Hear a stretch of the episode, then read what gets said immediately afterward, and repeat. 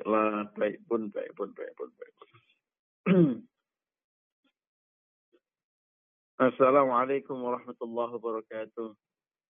Waalaikumsalam warahmatullahi wabarakatuh. لرضا الله ولشفاعة رسول الله ولكل نية صالحة ولكل إجابة مسؤولة الفاتحة أعوذ بالله من الشيطان الرجيم. أعوذ بالله من الشيطان الرجيم. بسم الله الرحمن الرحيم.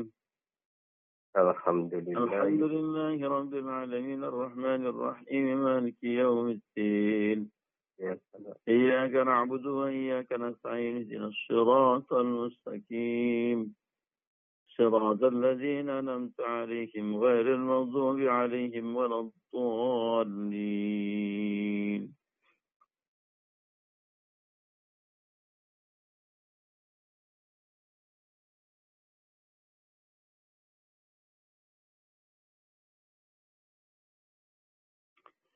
Ngaos napa pae kok? yang berhubungan dengan Kenapa Pak Citanya? COVID-19. Work from home. Work from home. Work from home. Kita lama nggak ngasih tafsir, hari ini ngasih tafsir bagaimana Pak Eko setuju? Ula langsung buka handphone, klik surat nopo Pak Ulun. Surat nopo nyuwune? Al-Mulk. Sampun rampung Al-Mulk. Al-Mulk mau. Sholat ya, nah, surat ke-60 kalau. Bagaimana kita mengkaji sesuatu yang sangat basic, tapi mungkin kita lupa. Atau seandainya tidak lupa, memang tidak pernah ngaji. Hmm. Karena saking basicnya. Gitu. Atau sudah ngaji, tidak lupa tetapi menganggap enteng karena sudah saking biasanya. Betaklah apa? Surat apa itu? Al-Ikhlas. Al-Ikhlas boleh. Tapi yang lebih sering dibaca dari Al-Ikhlas apa? Al-Fatihah. Betul sekali. Pernah ngaji tafsirnya Al-Fatihah nopo sering Pak Cita? Dereng. Nah, Sampun, Pak. Baca sendiri Sampun. di Ibnu Katsir. Wih, Terus kemarin juga di Oh, dalam Pak. biasa bacaannya. Bagaimana kalau pagi ini Pak Cita yang isi kajian? lagi menyiapkan presentasi. Kok karena komunitas?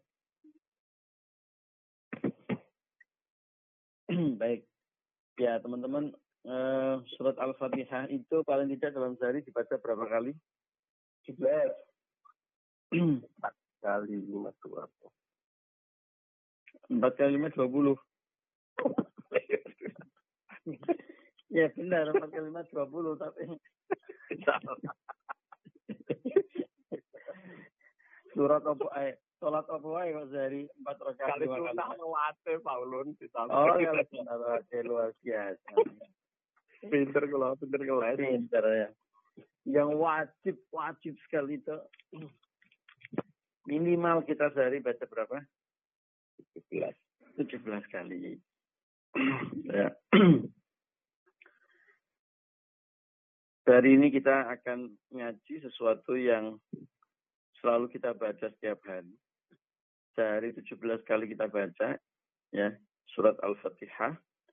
Tapi kalau boleh jujur, banyak yang seperti tadi saya sampaikan, eh, karena saking biasanya, sesuatu yang saking biasanya itu orang lama-lama akan menganggap itu bukan istimewa gitu.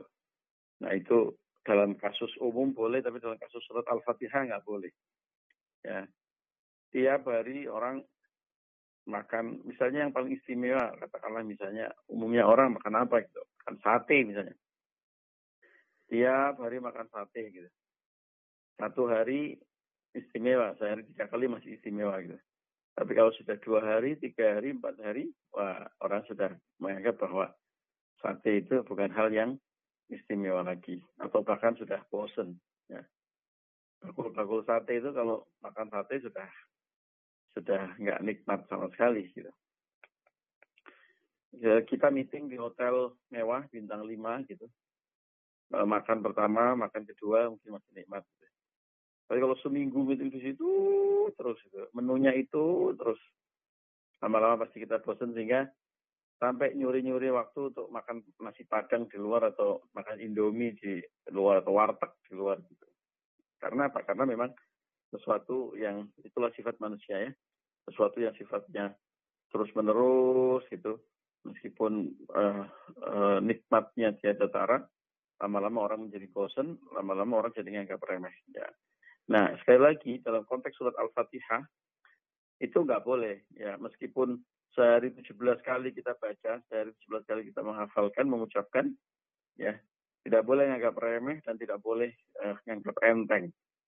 Nah, uh, penghormatan kepada surat Al-Fatihah yang tinggi itu ya itu bisa kita uh, lakukan apabila kita memahami konteksnya, memahami isinya dengan baik. Samalah dengan misalnya uh, makan makanan sesuatu yang nggak terlalu enak gitu, mengkudu misalnya. Ya. Atau misalnya buah naga dulu awal-awalnya kan tidak terlalu populer ya, karena orang merasa aneh dengan bentuk, uh, warna dan rasanya. Tapi begitu tahu itu uh, apa buah yang sangat bagus untuk kesehatan, maka lama-lama orang terbiasa. Ya, orang orang terbiasa dengan rasanya karena menghormati eh, isinya, menghormati kandungannya. Nah, itulah mengapa kita perlu ngaji surat Al-Fatihah. Surat yang sangat-sangat penting, surat yang harus selalu menjadi eh, pegangan dan tuntunan kita. Meskipun itu kita baca sehari 17 kali, tapi kita nggak boleh merasa bahwa ini sesuatu yang membosankan eh, dan menganggap enteng kandungan surat Al-Fatihah. Itulah mengapa pagi hari ini kita ngaji surat Al-Fatihah. Teman-teman yang dirahmati Allah, eh, surat Al-Fatihah itu sejak ada inisiatif untuk membuat kodifikasi Al-Quran yang paripurna ya yang dipimpin oleh Khalifah Utsman pada saat itu sehingga sampai sekarang mushaf Al-Qur'an yang kita pegang itu menjadi seragam, enak dibaca ya. Dan sampai hari ini juga disebut oleh mushaf Utsmani karena dipimpin atau waktu itu inisiatifnya dicetuskan oleh Khalifah Utsman ya. Sejak saat itulah Al-Qur'an eh, yang seperti kita baca hari ini selalu diawali dengan surat Al-Fatihah penempatan surat Al-Fatihah ini sendiri tentu bukan perkara yang remeh-temeh ya di awal Al-Qur'an ya tentu sesuatu yang sangat penting. Ya sesuatu yang menjadi bahan diskusi para uh, sahabat uh, dan atas instruksi tentu dan inspirasi Kanjeng Nabi. Jadi for your info teman-teman penempatan ayat di dalam satu surat itu para ulama sepakat mutlak dari Kanjeng Nabi. Ya, oh ini ayat sekian, ini masuk surat sekian, urut-urutannya itu itu mutlak kanjeng Nabi dan tentu kanjeng Nabi itu uh, dari malaikat Jibril, malaikat Jibril dari Allah Subhanahu Wa Taala. Ya. Adapun penempatan surat pertama Al-Fatihah, kedua Al-Baqarah uh, dan selanjutnya sampai uh, yang tadi diusulkan oleh Pak Eko apa surat Al-Ikhlas, kemudian surat sampai An-Nas. Ya. Itu ada beberapa pendapat ulama yang mengatakan bahwa sebagian mengatakan bahwa ini semua juga mutlak dari kanjeng Nabi atau yang disebut dengan tauqifi. Ya. Kanjeng Nabi menginspirasi atau memberikan instruksi kepada para sahabat. Ini urut-urutannya. Gitu. Sebagian ulama berpendapat bahwa ini adalah perkara yang selain tauqifi juga ada istihadi. Ya, istihadi itu artinya uh, uh, Rasul juga memberikan ruangan kepada para sahabat untuk beristihad atau menyampaikan pendapat. Ya, dibuktikan dengan pada masa awal-awal sebelum ada kodifikasi Al-Quran Mushaf Usmani ini, uh, beberapa sahabat memegang catatan Al-Quran yang urutan-urutan suratnya berbeda. Ya, Misalnya yang paling masyhur adalah Al-Quran yang diawali dengan surat Al-Fatihah ini dimiliki oleh beberapa sahabat seperti misalnya Ubay bin Ka'ab. Sementara beberapa sahabat lain yang juga sahabat utama seperti Ibnu Mas'ud, ya kita tahu Ibnu Mas'ud adalah sahabat yang sangat terkenal alim dalam ilmu Al-Quran. Ya, beliau juga tinggal sebagai ahli tafsir dan ahli fikih. E, sempurna kalau orang sudah ahli tafsir, orang ahli fikih itu itu itu pengetahuannya, kealimannya itu kealiman yang sempurna. Ya. Beliau juga dikenal sebagai uh, sahabat yang bacaan Al-Qur'annya sangat bagus. Kanjeng Nabi beberapa kali uh, datang dan minta itu masuk untuk membacakan Al-Qur'an untuk untuk beliau. Bayangkan, seorang rasul ya datang kepada sahabat ya minta dibacakan. Tolong bacakan Al-Qur'an untukku, ya. Itu artinya sahabat ini punya keistimewaan yang sangat luar biasa. Sampai-sampai Ibnu Mas'ud pernah bertanya, ya Rasul, Al-Quran ini diturunkan kepadamu. Mengapa engkau minta aku untuk membacanya? Ya. Eh, Rasul menjawab karena dia ingin uh, mendengarkan bacaan dari Ibnu Mas'ud. Nah, ini ini uh, orang yang punya kompetensi dan kualifikasi hebat seperti Ibnu Mas'ud itu mempunyai Al-Qur'an yang urut-urutannya suratnya berbeda dengan uh, sahabat Ubay bin Ka'ab misalnya tadi. Ya. Yaitu Al-Qur'annya Ibnu Mas'ud diawali dengan surat Al-Baqarah ya. Uh, lain lagi sahabat Ali ya. Sahabat Ali itu Al-Qur'annya diawali dengan urut-urutan Kanjeng Nabi menerima wahyu dari malaikat Jibril. Ya. Misalnya kita tahu yang pertama diturunkan kepada Kanjeng Nabi adalah surat surat apa Pak Eka? Iya Pak Nur, eh, Pak Ulun. Al-alaq ya Pak? Iya luar biasa sekali. Pak Hisri yang menjawab ini. Iya. Ya, Alhamdulillah, luar biasa sekali. Pak Eko sebenarnya bisa jawab, cuma tadi lagi ngulek sambel, jadi agak kaget dia ditanya. ya, jadi urut-urut uh, urut-urutan Al-Qur'annya sahabat Ali awal-awalnya dulu adalah sesuai dengan urutan Al-Qur'an uh, Allah uh, menurunkan Al-Qur'an lewat malaikat Jibril kepada kanjeng Nabi Muhammad. Di mana turunnya ayat-ayat itu sebenarnya uh, sangat melihat konteks. Sangat Allah menurunkan kalau kalau dalam ilmu ilmu tafsir dikenal mundarij ya secara bertahap sesuai dengan kondisi dan situasi. Ya, kita tahu misalnya eh, banyak banget ayat-ayat Al-Qur'an yang berdialog dengan zamannya. Berdialog dengan kondisi yang terjadi kepada Kanjeng Nabi. Ya, ya yang yang ngetop atau yang kita kenal masyhur ceritanya misalnya tentang uh, ketika Kanjeng Nabi uh, apa diharapkan kepada situasi sulit di mana uh, Abdullah bin Umi Maktum uluk salam dan minta diajarin uh, ilmu agama kepada kajian Nabi ketika kajian Nabi sedang mengadakan top to top meeting dengan para pembesar-pembesar Quraisy. Lalu turunlah abasa wa tawalla dan sebagainya. Itu tanda betapa Al-Quran itu berdialog, uh, berinteraksi, sangat engage ya, dengan situasi dan kondisi yang dialami oleh kanjeng Nabi secara khusus dan umat Islam pada umumnya. Ya, sering-sering sekali dalam kondisi yang sangat uh, krusial turun ayat Al-Quran yang memberikan jawaban. Ya itu itu kalau dari sisi ilmu uh, tauhid ya kita harus percaya betul, kita harus yakin betul bahwa itu semua by, by design ya oleh Allah. Bukan karena kemudian ada kejadian lalu uh, apa namanya kanjeng Nabi serta merta uh, dapat wahyu. Tidak. Itu semua by design. Ya. Uh, by design dari Allah agar ini salah satu mukjizat Al-Quran ya. Agar Al-Quran itu betul-betul menjadi hudan linas, menjadi petunjuk bagi manusia, mudah dipelajari, ya karena kontekstual, jadi mudah dipelajari. Ya. Sekaligus juga lebih meresap, ya. E, kalau dalam ilmu dakwah ini penting sekali yang namanya konteks. Nah, bayangkan kalau Al-Quran terus berdialog selalu relevan terus dan ini sampai akhir zaman. Ya maka dari itu zaman dulu zaman Al-Quran diturunkan banyak orang-orang yang belum memeluk agama Islam masih kafir kafir kafir itu ya, bahkan di antaranya adalah para penggedenya kafir seperti Umar bin Khattab sebelum masuk Islam itu terkagum-kagum dengan Al-Quran ya. Uh, dan mereka mengakui mereka paham isinya ya.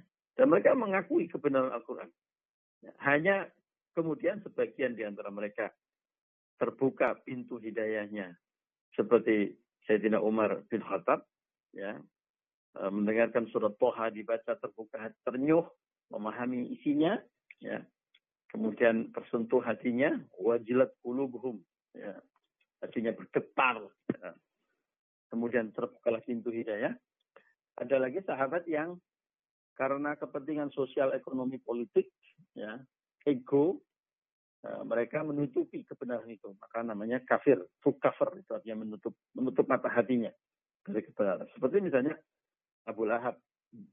Seperti misalnya kisah yang uh, beberapa kali kita diskusikan adalah kisah dari uh, orang tua Khalid bin Walid yaitu uh, Walid bin Mughirah. Ya mereka tahu mereka paham isinya. Bahkan Walid bin Mughirah itu mengiyakan ya membenarkan isi Al-Quran. Seperti yang kita kaji dalam surat Al-Qalam kemarin ya. Dalam hatinya kan misu-misu itu. Uh, kalau bahasa pisuannya gimana itu? Orang Surabaya misunya gimana? Biasa Pak Kau jangkrik jamput gitu kok sing ngomong eh itu masih belum okay. itu halus ya halus kasarnya nggak usah ini banyak anak-anak gitu jamput sih mosok sing dikandake Al-Qur'an ini bener kabeh. Nah, kurang lebih begitu kan karena dia kafir gitu. dia, dia, dia mau tidak mau harus mengakui kebenarannya karena memang itu actual terjadi dalam hidupnya. Tetapi dia nggak mau begitu gitu. Mosok aku disifati sepuluh atau berapa sifat itu bener kabeh gitu. Ya putih. Nah, kurang lebih kan begitu ya. Nah, dalam hatinya miso-miso. Tapi mengakui gitu, secara uh, secara uh, apa actual beliau mengakui dia mengakui nah bayangkan orang kafir aja menerima begitu kan ironis kalau orang Islam malah nggak tahu apa isikan Al-Quran ya orang Jawa sekarang ya orang kafir ngerti Al-Quran loh masa orang Islamnya nggak mau ngasih tafsir ah makanya kurikulum kita ya harus ada ngasih tafsirnya jangan kalah sama orang kafir soalnya kita orang kafir santri-santri malah gak belum ngaji ya jadi kita harus ngaji Nah, kembali ke laptop sekarang. Sampai mana tadi Pak? Urut-urutan, uh, sampai urut-urutan dalam Al-Quran. Nah, uh, kemudian uh, perbedaan-perbedaan ini akhirnya diselesaikan pada zaman ini ada feedback ini. Tolong agak kurang enak kalau ada yang feedback ini. Yang di loudspeaker mungkin? Halo, halo, halo. Nah, ini udah bagus ini, udah bagus. Sip. Halo, halo. Keluar lagi. Mantul dong. Mantul. Ya, mantap betul. Halo, nah, sekarang sudah sudah nggak mantul Pak Ya. Nah, Kemudian pada saat uh, Khalifah Utsman memimpin proyek besar, yaitu uh, proyek uh, kodifikasi Al-Quran ini, ya pengumpulan Al-Quran secara masif dan terstruktur, ya akhirnya kemudian ditetapkanlah surat Al-Fatihah sebagai pembukaan dari Al-Quran. Ya, dan pada saat itu kita baca dari sejarah, semua mushaf-mushaf lain, catatan-catatan lain dari para sahabat agar tidak menimbulkan fitnah kelak kemudian hari, kemudian dibakar, ya, dihancurkan. Ya. Jadi dokumen uh, Al-Quran kemudian menjadi satu. Itulah yang sampai hari ini kita baca, kita lihat, kita pegang di rumah-rumah kita, di aplikasi di handphone-handphone kita. Itu yang disebut dengan mushaf Usmani. Ya, sudah enak dibaca karena ada harokatnya lengkap. Ya, memakai hot yang hot itu jenis tulisan.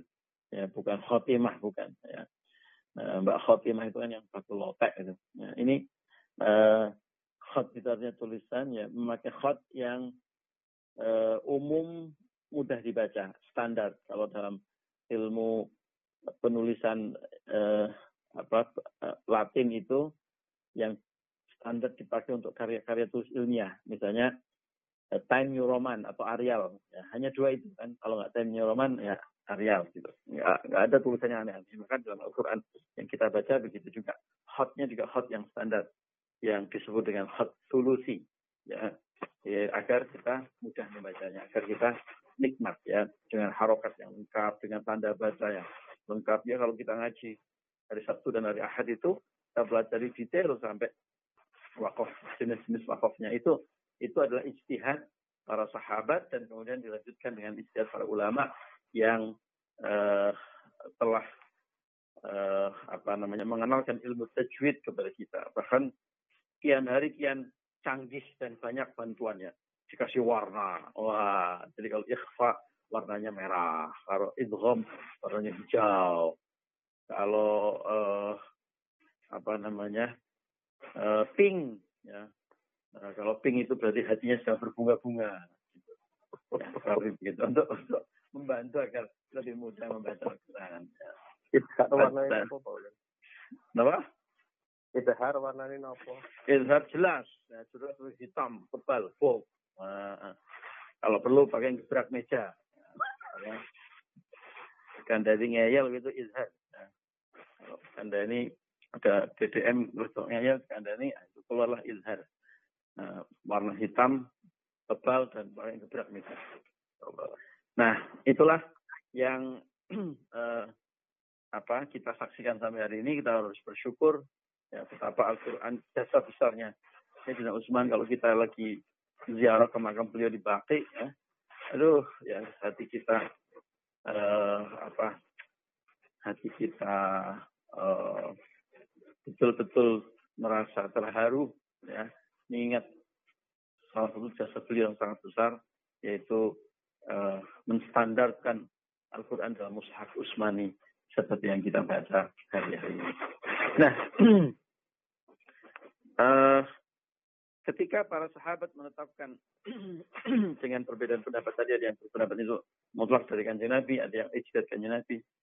Uh, ketika surat Al-Fatihah ditempatkan di awal Al-Quran, tentu uh, ini uh, penuh dengan apa hikmah Ya, dan tentu saja tidak sembarangan.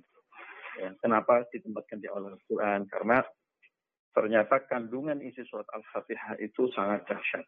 Ya, surat Al-Fatihah itu merupakan semacam eksekutif summary ya, dari Al-Quran. Di mana di dalamnya eh, sama dengan surat Al-Ikhlas ya mempunyai kandungan-kandungan pokok keimanan. Which itu adalah dalam tanda kutip tugas utamanya Al-Quran. Nah, tugas utamanya Al-Quran kan uh, kandungan pokok keimanan, mengajarkan keimanan kepada kita, tauhid kepada kita. Ya. Dilengkapi pula dengan metafor-metafor atau ibarat-ibarat ya, yang terjadi dengan orang-orang yang sukses secara keimanan atau kaum-kaum yang uh, beriman dan lalu kemudian mendapatkan ganjaran sesuai dengan janjinya Allah ya. Kita tahu di dalam Al-Quran seperenam isi dari Al-Quran adalah al-wa'du wa wa'idu ya janji dan ancaman. Nah itu juga tergambar dalam Al-Quran. Selain tauhid ya ada wa'dun wa wa'idun janji dan ancaman ada juga di situ metafor-metafor yang merujuk kepada sejarah orang-orang terdahulu ya. Meskipun tentu dalam surat yang sangat pendek ya itu padat makanya eksekutif summary. Tentu di situ tidak ada cerita tentang Bani Israel. Tentu di situ tidak ada cerita tentang umatnya Nabi Isa gitu. tetapi di situ ada sebuah ayat yang sebenarnya itu merujuk kepada metafor-metafor atau eh, kiasan-kiasan eh, hikmah-hikmah pelajaran-pelajaran yang kita ambil dari umat-umat terdahulu ya yaitu yang termaktub dalam ayat ghairil maghdubi alaihim waladhdallin. Ya, bukan orang-orang yang mendapat murka dari Allah maghdub waladhdallin dan orang-orang yang uh.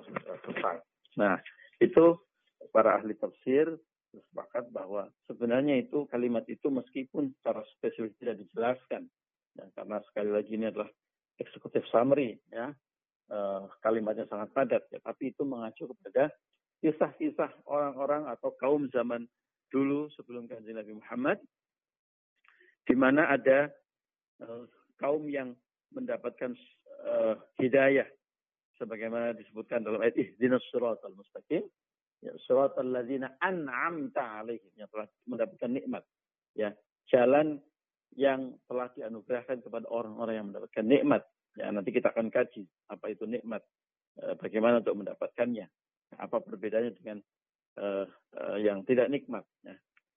Bukan jalan, kemudian dilanjutkan dengan ayat berikutnya, Waril maghdub, ya. bukan jalan orang-orang yang engkau murkai, itu semuanya mengacu kepada kisah-kisah kaum-kaum sebelum uh, Nabi Muhammad dan terus relevan sepanjang masa sampai hari ini. Ada orang-orang yang mendapatkan nikmat, ada orang-orang yang maghdub, ada orang-orang yang bol, ya, sesat. Ya. Uh, bahkan lebih parah lagi, zalu fa'adhan. Sudah sesat, menyesatkan pula. Ya. Itu ada sejak zaman dahulu dan terus relevan sepanjang masa. Itulah mengapa dahsyatnya Al-Fatihah. Ya.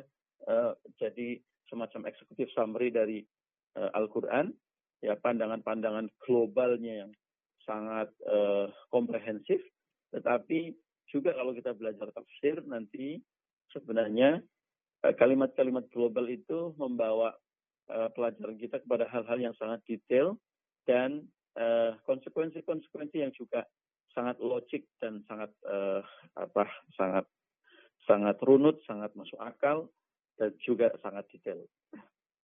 Begitu kurang lebih mengapa surat Al-Fatihah ditempatkan di awal dari Al-Quran yang tentu sebagai sebuah opening ya maka disebut surat Al-Fatihah yang artinya pembuka ya tentu harus betul-betul uh, sesuatu yang sangat istimewa ya. Apalagi kemudian fakta uh, uh, fakta uh, apa uh, ibadah juga menyebutkan bahwa surat ini selalu kita baca di dalam sholat kita minimal sehari 17 kali sama persis ketika dengan jumlah rokaat yang kita dirikan untuk beribadah kepada Allah yang wajib ya yaitu sehari 17 rokaat. Saya kira ini ternyata sudah cukup siang sudah 6 seperempat Eko eh, pembukaannya demikian. Insya Allah eh, selanjutnya nanti kita akan ngaji ayat demi ayat. Ternyata baru pembukaan saja sudah 35 menit. Ya. Ini masih mukotimah. Masih mukotimah betul. Ya, masih mukotimah betul. Dan eh, karena work from home nanti mungkin saya bisa bicara dengan Ustaz Halabi eh, eh, apa namanya hari Kamis bisa kita pakai untuk ngaji tafsir kelanjutan dari eh, ngaji kita hari ini. Oke, biar biar tidak nanggung soalnya sudah dibuka gitu rasanya kalau sudah dibuka kalau nggak dilanjutin itu rasanya itu penasaran gitu ya kayaknya ini baru iklannya saja. Pak Ulun tanya ya, Pak Ulun monggo monggo Pak Hestri. Pak Ulun kalau saya pernah ikuti namanya surat al-fatihah itu kan eh, berupa tanya jawab antara kita dengan Allah Pak. Makanya saat sholat itu katanya kita eh, sebaiknya jangan sampai cepat-cepat pada saat membaca surat Al-Fatihah. Iya. Wah, luar biasa sekali. Ini ini yang pelajaran harusnya akan saya sampaikan kurang lebih dua atau tiga pertemuan lagi. Ini saya sudah di hanya karena Pak Istri hari ini. Ya, betul sekali Pak Istri. Betul sekali. Dan memang tujuannya kita belajar tafsir surat Al-Fatihah itu nanti agar bacaan surat Al-Fatihah kita lebih bergizi. Karena kita tahu uh, apa uh, bacaan surat Al-Fatihah kita lebih nikmat karena kita tahu di dalamnya ada gizi dan vitamin yang luar biasa. Tuh. Hmm. Ya, nah betul sekali Pak Estri. Jadi sebenarnya yang lebih tepat adalah di dalam surat Al-Fatihah ini uh, Allah sedang memberikan uh, apa taklim kepada kita, sedang memberikan pelajaran kepada kita. Ya, kalimat-kalimat yang diucapkan sebenarnya firman Allah itu kan semuanya kan uh, Al-Quran itu kan sebenarnya firman Allah. Firman Allah itu artinya kan perkataan Allah. Ya. Nah, semua kalimat yang ada di dalam Al-Quran itu, dalam Al-Fatihah itu juga firman Allah. Tetapi firman Allah yang sedang diajarkan kepada kita ya, untuk kita ucapkan kepada Allah. Ya, jadi seperti anak kecil diajarin eh, bicara uh, Bapak kulo nyuwun, ya, Bapak saya minta. Nah, yang harus diucapkan oleh anak kecil yang harus diturut gitu. Ya, jadi sebenarnya itu Allah sedang ngajarin kita. Itulah yang harus diucapkan oleh seorang hamba kepada Tuhannya. Kalimat atau kata-kata yang ada di dalam surat Al-Fatihah itulah yang harus menjadi pedoman hidup yang ada di dalam hati kita sekaligus diucapkan. Makanya sehari 17 kali minimal kita ucapkan. Nah, itu pengajaran Allah kepada kita. Ya, yang yang yang verbatim, yang secara dialog, ya, memang harus diikuti persis seperti itu diucapkan. Ucapkanlah kepada Allah kalimat-kalimat yang seperti itu dan itu menjadi bagian dari keimanan kamu, bukan bukan semata-mata diucapkan, tapi betul-betul kamu kamu yakini. Ya misalnya uh, Alhamdulillahirabbil alamin. Ya. Segala puji bagi Allah. Nanti besok kita akan ulas uh, kata alhamdulillah itu uh, seperti apa. Kenapa tidak menggunakan asyukru misalnya. Kenapa tidak mengucapkan dengan mengucapkan hamid tuh misalnya. Ya nanti kita akan ulas besok gitu. Nah, itu kata-kata yang plek plek ya Allah mengajarkan kepada kita untuk kita baca sekaligus untuk kita yakini dalam hati kita. Nah, jadi kalau boleh dibayangkan sebenarnya lebih tepat seperti proklamasi, ya. uh, uh, bukan dialog seperti orang yang melakukan pembicaraan secara apa namanya. Uh, kalau dialog itu kan dua dua sisi seimbang, setara, seduduk sama rendah, berdiri sama tinggi. Kurang lebih bayangnya begitu ya. Yuk kita berdialog yuk. Nah, artinya saya ngajak teman-teman untuk yuk saling memberikan input dan saling mendengar. Gitu. Kalau kalau surat Al-Fatihah ini mungkin lebih tepatnya adalah proklamasi atau statement ya yang disampaikan oleh seorang, setiap orang Islam sehari minimal 17 kali dan kata demi kata, huruf demi huruf di dalam uh, proklamasi itu, dalam statement itu Allah yang ngajarin kepada kita. Ya, untuk kita uh, uh, yakini dalam kalbu kita, dalam hati kita, dan untuk kita sampaikan oleh lisan kita. Ya, sebagai uh, statement of our life atau pernyataan hidup kita. Ya, itulah surat Al-Fatihah. Maka dari itu kalau kita belajar ya, mudah-mudahan mudah-mudahan akan sangat menginspirasi ya perkara yang dianggap sepele atau uh, bahkan tidak pernah belajar tentang uh, Fatihah sehingga kita baca Fatihah biasa-biasa saja. Ya dulu itu santri kalau suan-suan kiai itu biasanya minta Pak Kiai minta doa, minta hizib, ya minta amalan nah, gitu kan. Kalau dikasih amalan yo mau soal fatihah le. Wah kecewa mereka. Wah kiai opo iki? Mau amalan kok kiai fatihah. Wis rasa diamplopi wes nah fatihah iki kabeh yo ngerti sampai ale apal so kiai gede ini kiai amalan kok fatihah nah itu itu tidak dianggap tidak dianggap eh, remeh-remeh gitu karena mereka tidak tahu makna uh, yang dalam di dalam surat Al-Fatihah dan juga mungkin saking terbiasanya uh, baca Fatihah jadi seolah Fatihah itu nggak penting dan tidak dahsyat gitu. Begitu nggih, Pak Istri nggih. Nggih, matur nuwun Pak Ulun. Ulun, Pak Ulun. Moga-moga Pak Cita, gimana menurut kitab Ibnu Kasir ya? Tentang pengurutan uh, Al-Quran tadi kan ada sebelum Usmani ada hal sebelumnya. Uh, apakah memang ada instruksi khusus dari kanjeng Nabi bahwa urutan surat di Al-Quran itu harusnya seperti apa sebenarnya? Adakah uh, instruksi itu Pak Ulun? Ya, itu yang tadi saya jelaskan. Kalau urutan ayat di dalam satu surat dan masuk surat apa itu ulama bersepakat itu 100% instruksi dari kanjeng Nabi atau yang dengan taukif ya taukif itu 100% kalau kalau bertanya tentang bab ini Pak Cita kalau kita belajar ilmu tafsir ya semua ilmu kitab tafsir ya, semua kitab tafsir kitab tafsir kan banyak sekali kitab ilmu tafsir bukan kitab tafsir ya. kitab ilmu tafsir semua kitab ilmu tafsir. Misalnya Al-Itqan fi Ulumil Quran yang lagi dibaca dan dikaji kusbah di UI sebulan sekali. Uh, kemudian uh, saya dulu ngaji ilmu tafsir itu namanya kitabnya Ulumut Tafsir karangan Al-Imam Mana' Quttan. Itu ulama Al-Azhar. Kemudian ada uh, uh, apa uh, banyak kitab-kitab ilmu uh, tafsir yang lain itu selalu ada bab tentang uh, taufik dan tauqif dan selalu ada bab tentang urut-urutan Al-Quran ini. Ya, selalu dibahas ya karena memang ini pembahasan yang yang yang penting. Nah, intinya adalah bahwa para ulama sepakat kalau urut-urutan ayat di dalam Al-Quran itu 100% dari kanjeng Nabi dan kanjeng Nabi dari malaikat Jibril, malaikat Jibril dari Allah.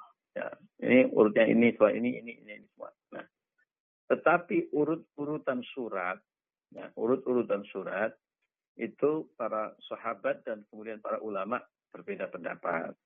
Ya, perbedaan pendapat ini masih dalam tahapan yang wajar, yang tidak kontradiktif sehingga merubah Al-Quran dan makna Al-Quran.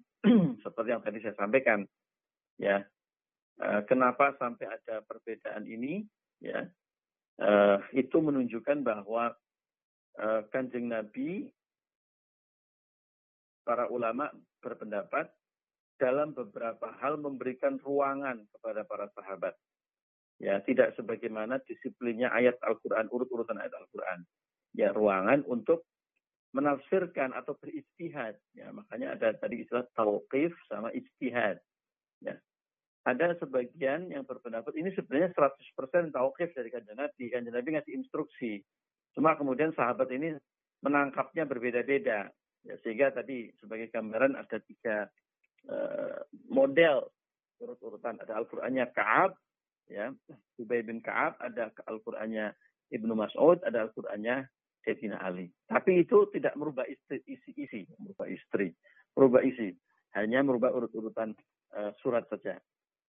Nah, tapi kemudian uh, ketika Mushaf Utsmani dibuat ya oleh Sayyidina Utsman, kemudian para sahabat sepakat ya sudah disamakan aja, distandarisasikan. Nah, ketika standarisasi itu tentu ada dialog, ada ada banyak diskusi. Nah, kemudian ditetapkanlah sebagaimana kita tahu hari ini, kita lihat hari ini urutannya seperti itu.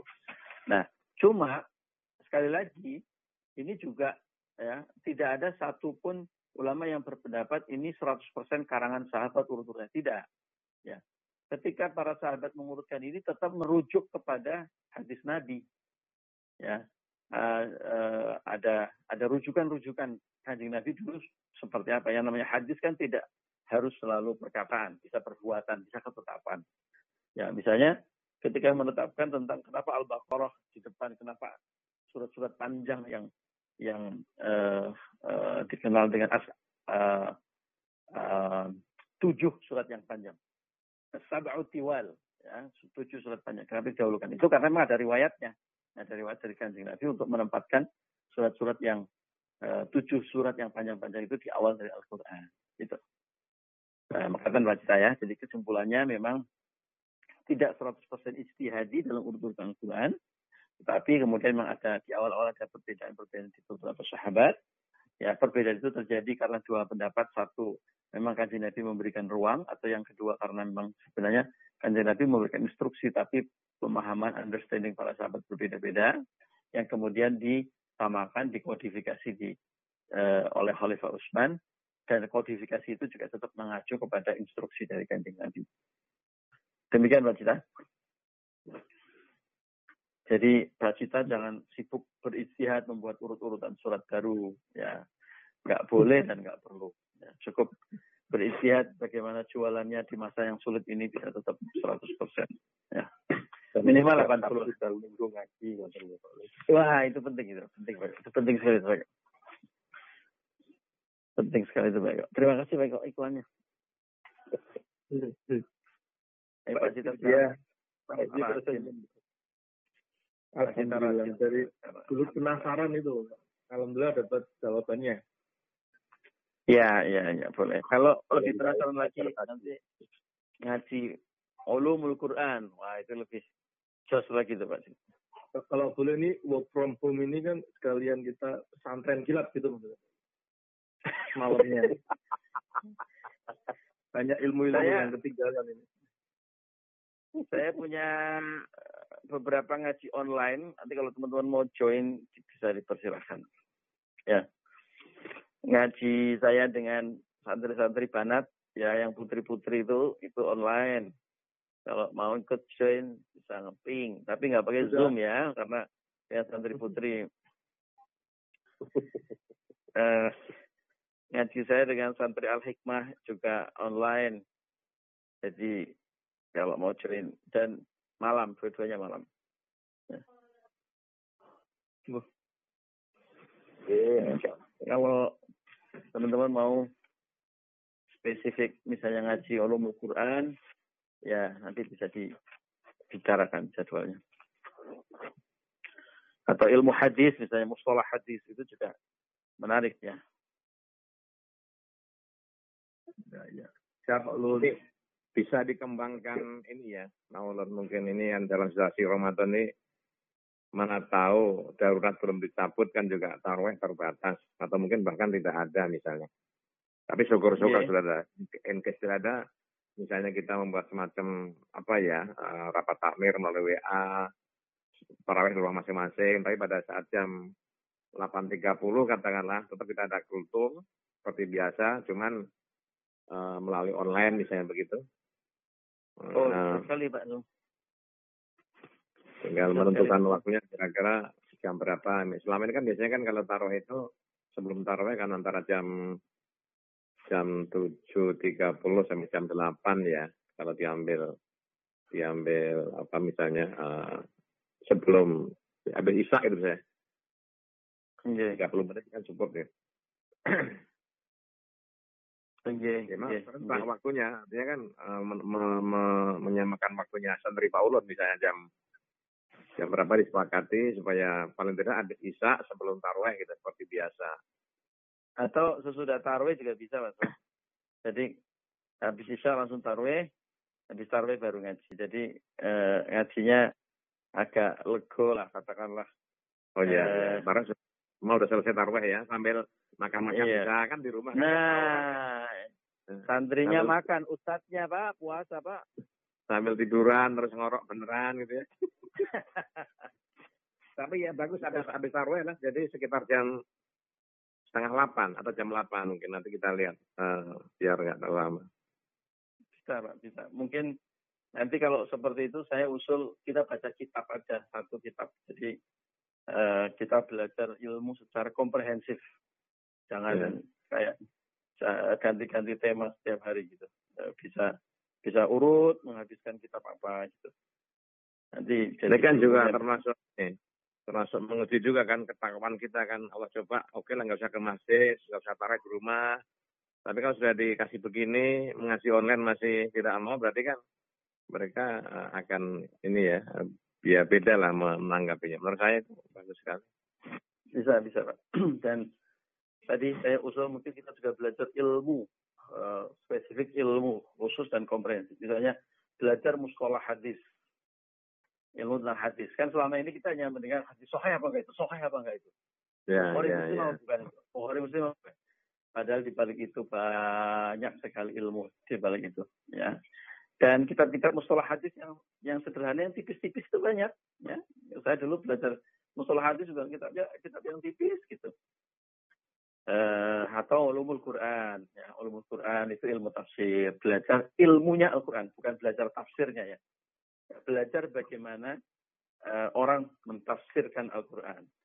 Uh, jadi kayak tadi, urut-urutan surat, kemudian madaniyah atau makiyah, ya, uh, terus kemudian pengumpulan-pengumpulan ayat, kemudian kita belajar nasih dan mansuh, ayat mana yang menghapus, ayat mana yang dihapus, gitu. Cuma mungkin ini ya, ya seperti Pak Cita yang ahli teknologinya ini, gimana kalau santri-santri kan ya relatif handphonenya kan mungkin dengan paket-paket yang sederhana supaya bisa free bagaimana online-nya? Caranya. Ya ada beberapa aplikasi ya Pak. Kemarin yang kita diskusi itu kalau mau live ada videonya juga bisa pakai Zoom.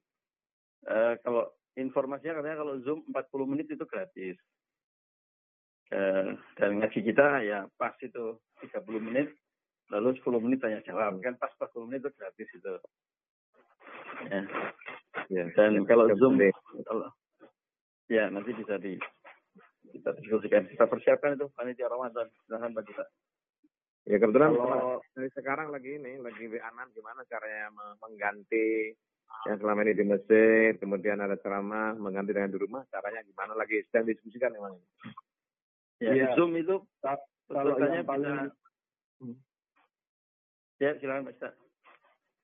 Sewu, kalau yang paling basic eh, dan gratis yang penting bisa dilakukan ya pakai uh, voice dulu pak pakai CUG uh, apa namanya customer using group jadi ya kayak kita ini call dulu tapi yang penting bisa karena kalau pakai Zoom atau pakai Skype atau pakai itu kan internet itu memang harus stabil. Hmm. Setiap santri kalau santrinya pulang atau kita kita saja tidak begitu stabil harus manteng laptop atau manteng screen atas. Kalau yang pasti minimal bisa dilakukan dan semua orang bisa adalah dengan voice. Nah itu setiap uh, provider itu punya paket uh, kelompok misalnya Telkomsel juga pasti punya uh, eh, 100 eh, orang atau 50 orang itu nomornya didaftarkan jadi nomor si di Al Hikmah gitu hmm. itu gratis 24 jam uh, telepon. Sesama santri Al Hikmah gitu yang sudah daftarkan ke kelompok CUG itu. CUG nah apa namanya uh, begitu juga dengan Telkomsel XL dan dan Indosat itu pasti ada Nah, itu bisa saya bantu nanti untuk ke PIC-PIC-nya, terutama XL ya, uh, Telkomsel juga ada uh, koneksi saya. Yang penting bisa rutin dulu, karena kalau yang dengan uh, apa inter, uh, Zoom itu agak ini saya kok masih khawatir tentang paket datanya segala macam itu. Iya iya iya. Berarti harus satu ini satu provider ya kalau Telkomsel harus satu provider ya. Ya. Iya, kalau harus satu providernya ya satu provider. Pak Baik itu. Ya, ya. Menurut saya Telkomsel sih lebih banyak ya uh, yang pakai. Iya. Kalau yang sepuh-sepuh ya Pak, Telkomsel lebih banyak. Tapi kalau yang APG APG itu, nah itu Barabir itu banyak kan Excel, gitu, Aksis itu. Excel sama Aksis sama. Jangan, jangan bilang APG, eh, jangan bilang sepuh APG tua. Ya, ya, ya, ya. Kita niatkan dari sekarang. Tapi kan anak-anak muda itu kalau misalnya suruh beli SIM card baru khusus untuk ngaji kan saya kira juga nggak keberatan ya Pak Pak Cita Kalau SIM card baru untuk ngaji dan itu didukung oleh provider tambah karena SIM card baru sekarang memang agak susah Pak aktivasinya. Eh, oh, itu gitu. tantangan sendiri di kita eh, karena harus pakai KTP KK gitu. Kalau dulu kita bisa aktifin aja, bread langsung kita punya mesinnya. Jadi sekarang nggak bisa. Jadi ya um, kita data dulu, misalnya sampai Alimah dan katakanlah 100 banyak yang mana kalau sudah banyak yang uh, provider A ya yang kurang tidak pakai A ya kita tinggal data berapa um, ya, ya. datang ke kantornya untuk untuk di apa eh, kelompokkan lagi, komunitaskan. Pakai komunitas kalau bahasa Indonesia-nya. Ya, ya. Sudah kita serahkan Pak Cita lah untuk melit. Ya, ya. Ya, bagus kalau ya. saya. Bisa, kalau gini kan bisa tanggung jawab juga gitu ya. Jadi Pak Ulun siap ya, kalau saya non di mesin urutake ada satu uh, one dari nah ya begitu. Ya Pak, siap siap Insya Allah, Insya Allah. Ya nanti saya tentu bikin ngajinya tidak customize uh, per masjid atau per komunitas, tapi bisa yang umum dan bisa dinikmati oleh uh, lintas komunitas. Gitu. Ya, siap. Yang jelas yeah. ustadznya minimal punya tiga nomor, Pak. oh, siap, siap, siap. Ya. ya biasanya kalau di mana-mana begitu difasilitasi oleh jamaah sih biasanya. Oh gitu. Panitia atau Pak? Kang ngusul nih kalau Pak. Nah iya. Ustaz ini ngerti kan ngaji. Ngaji terus mulai tuh kayak amplop. Nah, biasanya ngono. No, Ustaz kan mikir kabehane. Masya Allah. Alhamdulillah. Eh, baik. Terima kasih ya panitia Ramadan ngaji di ngaji online Ramadan. Nor. Serahkan, serahkan Pak Cita bawa itu. Ya, kita serahkan ke Pak Cita.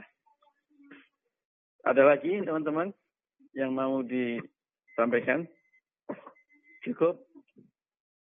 Iya. Yeah. Baik, kalau cukup, uh, terima kasih teman-teman ngajinya. Insya Allah besok kita lanjutkan. Uh, Haji tafsir surat Al-Fatihah kita. Mari kita tutup dengan bacaan hamdalah dan doa kafaratul majlis. Alhamdulillah alamin. Subhanakallahumma bihamdika asyhadu an la ilaha illa anta astaghfiruka wa atubu ilaik. Allahul muwaffiq ila aqwamit thoriq. Selamat berjaya hari ini teman-teman. Sukses, sehat, sejahtera dan bahagia. Assalamualaikum warahmatullahi wabarakatuh. Waalaikumsalam. Waalaikumsalam. Matur nuwun, Pak Ulun.